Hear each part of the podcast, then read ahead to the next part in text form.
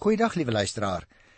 Baie hartlik welkom as jy vir die eerste keer inskakel. As ek so mag sê aan ons ou luisteraars, natuurlik is julle baie welkom. Ek is bly julle is nog steeds op die boot en ons begin eintlik vandag so 'n bietjie ry op 'n volgende rondetjie. Ek gebruik baie kere ook die beeld van 'n bus wat in die rondte ry en sê ons program gaan so die Here wil nie ophou as ons uiteindelik by Openbaring kom nie.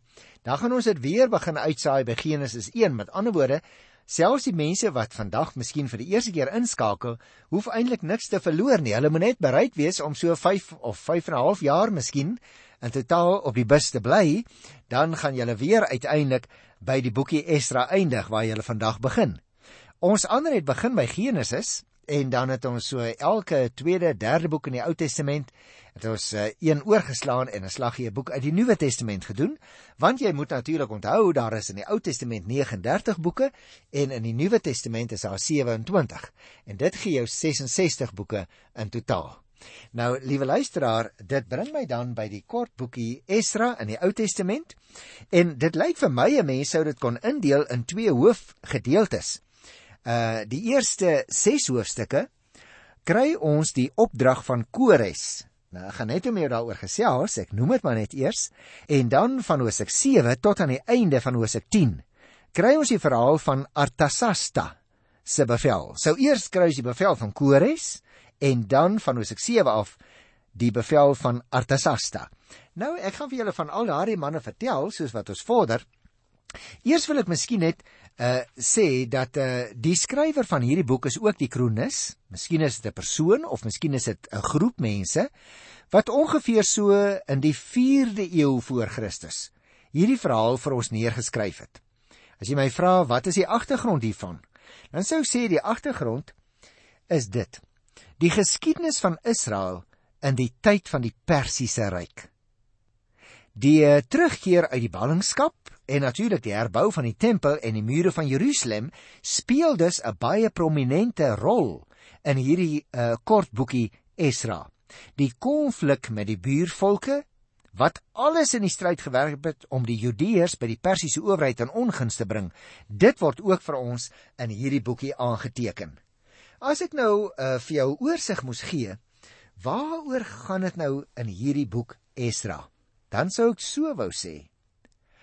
Luisteraar, 'n mens kan natuurlik baie maklik in die kerk perspektief verloor. ja, in die kerk hoor. Die doel wat die kerk moet nastreef, kan so maklik verstrengel raak in gemeentelike konflikte en in probleme wat van buite af op die gemeente aankom. Nou in hierdie boekie Esra en saam met hom later ook wat ek gaan behandel, die boekie Nehemia, in Esra en Nehemia word die doel van die kerk dink ek weer baie duidelik in die fokus gebring. Nie net tempels en altare moet gebou word nie, o nee. Die mense en hulle lewens moet so opgebou en ingerig word dat hulle die kerk van die Here kan wees. Want onthou die kerk van die Here is nie gebou nie. Dit is eintlik 'n menslike gebou, as jy dit sou wil sê. Die kerk bestaan uit mense, nie uit bakstene nie. En nou kry ons hierdie interessante verhaal in die Ou Testament alreeds. Die gemeente in Jerusalem uit die Persiese tyd word as 'n rolmodel voorgehou vir die doel wat die kerk eintlik deur al die eeue moet nastreef, ook ons as Nuwe Testamentiese gemeentes. Jy sien uit die ashope van die ballingskap het hier in Jerusalem 'n gemeente verrys wat hulle volkome aan die diens van die Here toegewy het. Jy sal miskien onthou toe ons die boek behandel het, 2 Kronieke het geëindig, maar nie net met die volk in ballingskap nie, maar op 'n hoopvolle noot. Kores, die Persiese koning, wat vrywilligers gevra het om na Jerusalem toe terug te keer om die tempel van die Here te gaan herbou. Dit sou nog maar net die eerste stap wees, hoor, in die herstel van die gemeente. Esra neem daardie gebeure nou van hier af 'n hele stap verder. 'n groot groep pelgrims sluit hulle naamlik aan by 'n man met die naam van Sesbassar en pak die lang tog na Jerusalem toe aan. Ons gaan eers in die 7de hoofstuk begin lees van Esdra. Die hele eerste 6 hoofstukke lees ons eintlik van hierdie bekende leier wat sy volksgenote uitgelei het uit Babel en hulle teruggeneem het na Jerusalem, naamlik hierdie man 6 Basar. Maar gaan nog vir jou 'n bietjie vertel van hom. Nou, na hierdie mense se aankoms, begin hulle om die altaar en die fondament van die tempel te herbou. Daar's egter teenkanting van die plaaslike gemeenskap en die projek word tydelik tot stilstand gedwing deur 'n vlaag beskuldigings en allerlei gerugte wat onwaarheid is, maar wat versprei word onder die mense. Die profete Haggai en Sagaria moedig dan die volk aan om die bouwerk te hervat, daar in die 5de hoofstuk. En Darius, die Persiese goewerneur, besluit uiteindelik dat die werk ongehinderd mag voortgaan. Nou onder leiding van Siribabel word die bouwerk uiteindelik voltooi en die tempel word feestelik ingewy. Nou daardie stadium. Eers 58 jaar later vertrek Esra met 'n groep Judeërs ook uit Persië. Hy neem 'n skriftelike opdrag van koning Artasasta eerste met hom saam, waar volgens hy ondersoek moet gaan instel na die volk se gebruik en die toepassing van God se wet. Wanneer hy uiteindelik in Jerusalem aankom, hoor hy van die ondertrouery tussen Judeërs en heidene. Hy huil en hy bid vir die volk. Hy tree vir hulle by die Here in Sy voorbeeld van verootmoediging en belydenis lei uiteindelik daartoe dat daar 'n suiwering in die gemeente plaasvind en hulle hulle opnuut aan die Here toewy in die 10de hoofstuk. En so kom daar 'n gemeente tot stand wat in hulle gehoorsaamheid aan die woord van God en hulle bereidwilligheid om in alles volgens die wil van die Here te lewe 'n voorbeeld te word vir die kerk in al die eeue daarna.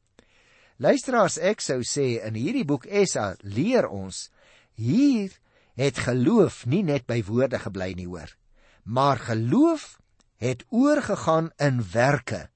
Werke tot eer van God in die lewe van die gelowiges elke dag. En dit is nou dink ek so baie breë oorsig van waar dit eintlik gaan in die boekie Esra. En ek wil dadelik met jou daaroor begin gesels. Kom ons lees die proklamasie van Esra en ek lees eers net die eerste 4 versies van Esra die eerste hoofstuk. In die eerste regeringsjaar van koning Kores van Persië is die belofte vervul wat die Here by monde van Jeremia uitgespreek het. Die Here het koning Kores van Persië laat besluit om dwars oor sy ryk 'n proklamasie te laat afkondig. Die proklamasie wat ook skriftelik was, het soos volg gelei: Koning Kores van Persië maak bekend: Die Here, die God van die hemel, het al die koninkryke van die aarde aan my gegee. Hy het my beveel om vir hom 'n tempel in Jerusalem in Judea te bou. Enige iemand onder julle wat aan sy volk behoort, mag sy God by hom wees, mag na Jerusalem en Juda toe gaan en die tempel gaan bou vir die Here, die God van Israel. Hy is die God in Jerusalem. Elkeen van die volk wat nog oor is, waar hy ook al tydelik gewoon het, moet deur die mense van sy omgewing voorsien word van die nodige silwer en goud, gebruiksgoed en vee, tesame met 'n vrywillige gawe vir die tempel van God in Jerusalem. Nou liewe luisteraars, hier kry ons sommer 'n hele stuk geskiedenis en ek wil baie graag so 'n klein bietjie met jou daaroor gesels. Kores se opdrag aan die ballinge om terug te gaan en die tempel te gaan herbou is iets wat die Here in sy hart gelê het. Jy sal nog onthou ek het al die geskiedenis vir jou so bietjie vertel. Die tempel is in die jaar 586 voor Christus deur die Babiloniër Nebukadneser verwoes. Hy het die Jode verslaan en hulle as ballinge na Babel toe laat wegneem. Ons het die geskiedenis behandel in 2 Konings 25 en ook in 2 Kronieke 36.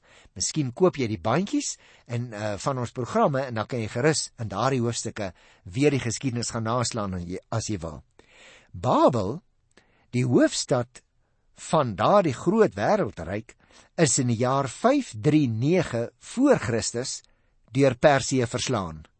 Koning Kores van Persië, op hierdie stadium is Kores die koning, hy het groepe ballinge onder wie dan ook die Jode toegelaat om na hulle eie lande van herkoms toe terug te keer. En daardeur het hy die lojaliteit van sy onderdane verseker en ook bufferstroke op die grense van sy koninkryk tot stand gebring. Maar, liewe luisteraar, dit was baie meer as 'n blote diplomatieke skuif hierdie van uh, koning Kores. Die Bybel sê vir ons dat God hom by hierdie besluit uitgebring het. Die Here het in Jeremia se tyd alreeds beloof dat hy die ballinge weer na Jerusalem toe sal terugbring. Gaan lees gerus in Jeremia 25 en ook in Hosea 29. Jy sien, die Here werk nou op hierdie stadium deur 'n ongelowige heidense koning en hy gee aan die Here se volk opdrag om weer die tempel te gaan herbou. Die boeke Esra en Nehemia vertel vir ons dan die verhaal hoe die Judeërs teruggegaan het en nie net die tempel weer herbou het nie, maar ook die gemeente van die Here, die geestelike opbou aan die mense voortgesit het. Die opdrag gaan dus nie net oor God se tempelhuis nie, maar oor sy huishouding, die gemeenskap van gelowiges, die eintlike kerk van die Here. Dit is waaroor dit hier gaan, nie in die eerste plek oor die bou van die mure van die stad en weer 'n gebou reg te maak nie. Dit gaan oor die herstel, die geestelike herstel van die gelowiges van daardie tyd. En daarom, liewe luisteraar, word Kore se opdrag gerig aan almal wat aan God se volk behoort en aan almal wat bereid is om die opdrag uit te voer. Aan elkeen van ons, dis nou ook jy en ek, liewe luisteraar, gee die Here elke dag opdragte uit sy woord. Van die vernaamste van daardie opdragte is byvoorbeeld dinge soos toewyding of om sy koninkryk te soek of om die gemeente uit te bou. Jy sien, nie net mense van kraal tot kraal van een kerk na ander kerk rond te jaag of van een gemeente na ander gemeente nie, maar om werklik ook mense toe te voeg tot die koninkryk van die Here. En in al hierdie verskillende fasette van die werk help die Here ons selfs deur in die hart van vreemdelinge te werk. Nou ja, as ek nou weer en ek hoop jy die Bybel voor jou na die eerste versie sou kyk, dan lê daar belangrike historiese momente. Want daar staan in die eerste regeringsjaar van koning Kores van Persië en dan wat daarop volg. Wat sou dit beteken? Kom ek vertel jou nog 'n stukkie geskiedenis. Nadat Kores van Persië die stad Babel van die Babiloniërs teruggewen het in die jaar 539, het hy in sy eerste regeringsjaar, dit wil sê dis die jaar 538 voor Christus, 'n proklamasie uitgevaardig waardeur die Jode wat in die Babiloniese ballingskap was, toestemming gekry het om na Juda en Jerusalem toe terug te gaan. Nou wil ek dadelik sê, liewe luisteraar, ander volkere wat onderwerp is en wie se leiers daar in Babel was, kon ook na hulle lande van herkoms teruggaan. Ons ken nou maar die verhaal van die Jode se teruggaan baie goed, omdat dit vir ons behoue gebly het, veral in die boeke Nehemia en Esra. Nou, agter die gunstige optrede van die heidense koning Kores teenoor die Jode, sien die Bybelskrywer nou die hand van die Here. Want hy sê dit is die Here wat Kores laat besluit het sodat Kores in beweging gekom het om die belofte, luister nou wat sê in vers 1, die belofte wat deur Jeremia uitgespreek is, te vervul. nou liewe luisteraar, Kores het waarskynlik niks geweet van die profeet Jeremia nie. Hy is onwetend instrumenteel in die Here se hand. En dis wonderlik dat ons dit hier lees. Want jy sien, dit beteken dat die Here ook in ons tyd nog selfs ongelowige mense kan gebruik in sy diens sonder dat hulle dit agterkom. Want sonder dat Kores dit weet, staan hy in diens van die Here. Jy kan gerus gaan lees daar in Jeremia 25 vers 11 en vers 12. Nou vir 'n lang ruk, amper 70 jaar, was die Jode nou in ballingskap. As 'n mens kyk na die 70 jaar, kan jy baie daaroor praat, luisteraars, ek wil dit nie nou doen nie, maar dit was nie letterlik dag en datum 70 jaar nie. Dit is 'n ronde syfer wat genoem word. Miskien slaan Jeremia se woorde op die tydsverloop tussen die eerste wegvoering in 597, sal jy onthou, het die Babiloniërs ook al 'n hele klompie Jode weggevoer uit uh, uit uit uh, Palestina uh, weg na Babel toe. En dan natuurlik ook die val van die Babiloniese ryk wat plaasgevind het in 539 of miskien is die 70 maar net 'n ronde getal soos ek net nou gesê het, 'n menslike leeftyd. So dit hoef nie dag en datum presies 70 jaar te wees nie.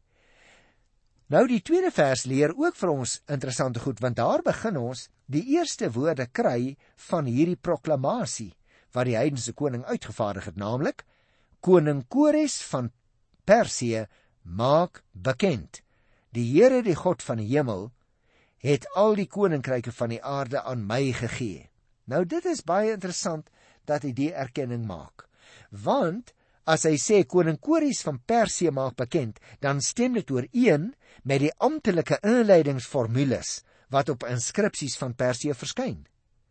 Maar let nou op. Hy sê die Here, die God van die hemel, het so en so aan my gegee. En dit, liewe luisteraar, baie interessant, herinner my dadelik aan 'n inskripsie van Kores uit Ur, daardie ou Bybelse stad, Ur. Daar is 'n inskripsie wat sê: "Die groot gode het al die lande in my mag gegee." En hieruit lyk dit vir my, luisteraar, blyk Kores se erkenklikheid teenoor ander gode ook. En dis ook teenoor die ware God, hoewel hy dit seker nie regtig self besef het nie. Die uitdrukking al die koninkryk van die aarde, interessant, dit kom ooreen ook met Deuteronomium 28 vers 25 en ook met 2 Konings 19 vers 15 en dit beteken eintlik letterlik moet mense dit so lees dink ek die totale bewoonde wêreld met ander woorde die God van die hemel soos die Here hier genoem word, kom in die Joodse papyrusrolle uit Elefantine voor en is veral gebruik in die verkeer tussen die Jode en die Perse. Kores erken dat hy 'n opdrag van die Here ontvang het om die tempel in Jerusalem weer op te bou om so die kultus en die verering van God te herstel in Jerusalem. Nou, luisteraar, dit pas in by die Perse se beleid van die heropbou van die verwoeste tempels en die konsolidasie van verowerde volke. Met ander woorde, die Perse het presies die teenoorgestelde politieke siening gehad as die Babiloniërs. Waar die Babiloniërs altyd die leiers van die volke wat deur hulle onderwerp is, daardie leiers na Babel toe weggevoer het, het die Perse presies die teenoorgestelde uh, beleid gehad. Hulle het vir hulle self gesê ons verower nou hierdie uh wêreldryk En nou kry ons ook sommer op die koop toe al die leiers van die wêreld wat saamgetrek is in Babel. Want die Babiloniërs het hulle soontoe weggevoer. En sê die perse vir hulle self, ons sit op 'n kruitvat. Hoe gouer ons hierdie mense terugkry na hulle lande van herkoms, hoe beter. Beter vir ons. Want dan gaan hulle nie teen ons in opstand kom as hulle in hulle eie lande woon nie maar ook beter vir ons want dan kan hulle beter belasting betaal as hulle hulle eie land se omstandighede ken hulle bewerk die grond en die oeste is groot kan dan ons beter belasting betaal. En daarom gee Kores nou ook toestemming dat die tempel in Jerusalem in Juda waar God hom geopenbaar het en wat in 586 voor Christus deur Nebukadneser die Babiloniër verwoes is weer opgebou kan word En net so die derde versie het jy daarop gelet. Hy gee verder verlof dat elkeen wat tot die Joodse volk behoort, dit wil sê, die uit die twee stammeryk en die ook uit die 10 stammeryk en wat wil na Jerusalem toe kan teruggaan om mee te help aan die heropbou van die tempel. En hiermee lyk dit vir my luisteraar wou Kores verseker dat die Jode sy loyale onderdane sou bly soos wat ek nou net vir jou probeer verduidelik het, veral die beter belasting wat hy gaan kry. Nou sê hy hier ook in die 3de vers: Mag sy God by hom wees. Dit wil sê mag God hom bystaan.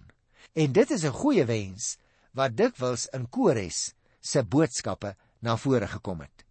Hy sê in die 4de vers wat ek gelees het: Elkeen wat van die volk nog oor is, wat sou hy bedoel? Dit wil sê wat die ballingskap oorleef het. Want onthou luisteraars, sommige mense was oud toe hulle weggevoer is uit uh, Jerusalem in 586. En hulle het sommige het in die woestyn omgekom op pad na Babel toe. Ander het in Babel gesterwe vanweë die ouderdom. Baie van die mense is in Babel gebore, maar die ou mense was waarskynlik min of meer almal oorlede. Wat so sê Kores tydelik daar gewoon het. Dit wil sê as vreemdelinge vertoef het sonder enige regte en hulle mag nou teruggaan. Kores gee dus aan die teruggekeerdes die reg om van hulle dorpsgenote, dit wil sê die nie-Jode daar in Babel en ook Jode wat nie kon of wou teruggaan nie om van hulle geskenke en vrywillige gawes vir die tempelbou te kollekteer. Jy moet verstaan, party van die Jode, veral die ou mense, wou nie die lang reis weer 'n keer aanpak nie. Hulle het gesê ons is nou jare hier, party het gesê ons is hier gebore in Babel en nou wil ons al het dit nou 'n nuwe owerheid, naamlik die Perse, uh geword wat oor ons heers, ons wil nou maar hier bly. En nou sê Kores in sy proklamasie baie duidelik: Voordat julle teruggaan, kan julle van daardie mense ook goud en geld en silwer eis, want julle kan dit dalk gebruik vir heropbou van die tempel. En so kry ons dan die voorbereiding vir daardie groot terugtog. Kom ons lees dit in vers 5 tot by vers 11. Vandag gesels ons ook 'n bietjie daaroor. Die familiehoofde van Juda en Benjamin, as ook die priesters en die leviete, elkeen in wie God die voorneme gegee het, het toe klaar gemaak om die huis van in Jerusalem te gaan bou. Al hulle bure het hulle hande gesterk deur silwerware en goud, gebruiksgoed, vee en allerlei kosbarehede te gee, bo behalwe al die vrywillige gawes. Koning Kores het ook die goed laat haal wat in die huis van die Here was en wat Nebukadneser destyds uit Jerusalem weggevat en in die tempel van sy God gesit het koning Kores van Persië het dit uit Mithredat, die sekretaris van die tesorie, tesorie laat oorhandig en die het 'n lys daarvan gemaak vir 6 Basar. Nou hier kry ons die eerste keer hierdie Joodse naam. Hy het dit gegee vir 6 Basar, die hoof van die stam Juda. Nou kry ons daar 'n hele klomp syfers, maar die laaste sinnetjie wat ek wil lees in vers 11 is 6 Basar het alles saamgevat toe hy die ballinge van Babel af na Jerusalem toe gebring het. Nou ek gaan net tot daar dit behandel, maar kom ek vertel vir jou dan in breë oorsig waaroor dit hier gaan, want dit is eintlik 'n voorbereiding om terug te keer Jerusalem toe. Jy sien, liewe luisteraar, baie van die Judeërs het verkies om in Persië agter te bly. Hulle wou nie na hulle land toe terugkeer nie. Daar kon verskillende redes wees waarom hulle nie wou teruggaan nie. Ek het al 'n paar vir jou genoem. Maar byvoorbeeld ook die reis na Jerusalem was moeilik. Daar was baie gevare op die pad. Dit het lank geduur. Dit het meer as 4 maande geduur om presies te wees. Jerusalem en die omliggende landstreek was verwoes. Dit was nie maklik om deur daardie gebied te reis nie. Die mense wat op daardie stadium in daardie gebiede gewoon het waar hulle moes teruggaan, was ook nie altyd vir hulle goedgesind nie. Baie van die Judeërs het in Persië ryk geword. Hulle was nie bereid om alles prys te gee om nou na Jerusalem toe terug te gaan nie. Hulle ken nie eers die wêreld nie. Baie van hulle is dan in Babel gebore. En daarom in die laaste paar verse wat ek gelees het, het ons baie duidelik gesien dat die Here ook by hulle bure en by Kores welwillendheid teenoor die saak gewek het in die mense se harte. Deur vrywillige bydraes en geskenke het die wat nou agtergebly het ook op hulle manier bygedra om die tempel weer te laat herbou. Soos die inwoners van Egipte destyds aan die Israeliete geskenke gegee het toe hulle uit Egipte weg is, gaan kyk maar in Eksodus 12, so die inwoners nou ook hier in Babel aan die Judeërs geskenke gegee. Die verskil is natuurlik dat dit hierdie keer vrywillige geskenke was, want die Jode wat agterbly, gee dit vrywillig aan die Jode wat teruggaan. Ook Kores, die koning van Persië, het aan hulle geskenke gegee. O, wonderlike dinge. Hy gee vir hulle onder andere die kosbare tempelvoorwerpe terug wat die Babiloniese koning Nebukadneser destyds uit die tempel in Jerusalem verwyder het. En so, liewe luisteraar, het die Here hulpvaardigheid en welwillendheid teenoor die ballinge wat teruggekeer het se harte gewek. Hy kan mense se harte verander, hy wat die Here is, ook jou en my harte hoor, maar ook die van ander mense van wie ons soms afhanklik is, selfs van die wat vir ons kwaadgesind is. Die Here kan mense se harte verander vandag nog. Ek wil afsluit deur te wys op vers 'n totaal van 5400 goue en silwer voorwerpe is oorhandig aan die terugkerende Jode. Maar ek wil net sê die getalle van vers 9 en vers 10 lewer 2499 voorwerpe op wat dus aandui dat net enkele items uit die lys in vers 9 en 10 genoem word. Die punt is, hierdie mense gaan terug Jerusalem toe met 'n skat, 'n groot skat van waardevolle voorwerpe wat weer kan teruggeplaas word in die tempel wanneer dit een keer herstel is. En op hierdie vrolike noot van trekkende mense groet ek jou dan vir vandag in die wonderlike naam van die Here Jesus Christus, ons eintlike koning. Tot volgende keer. Totsiens.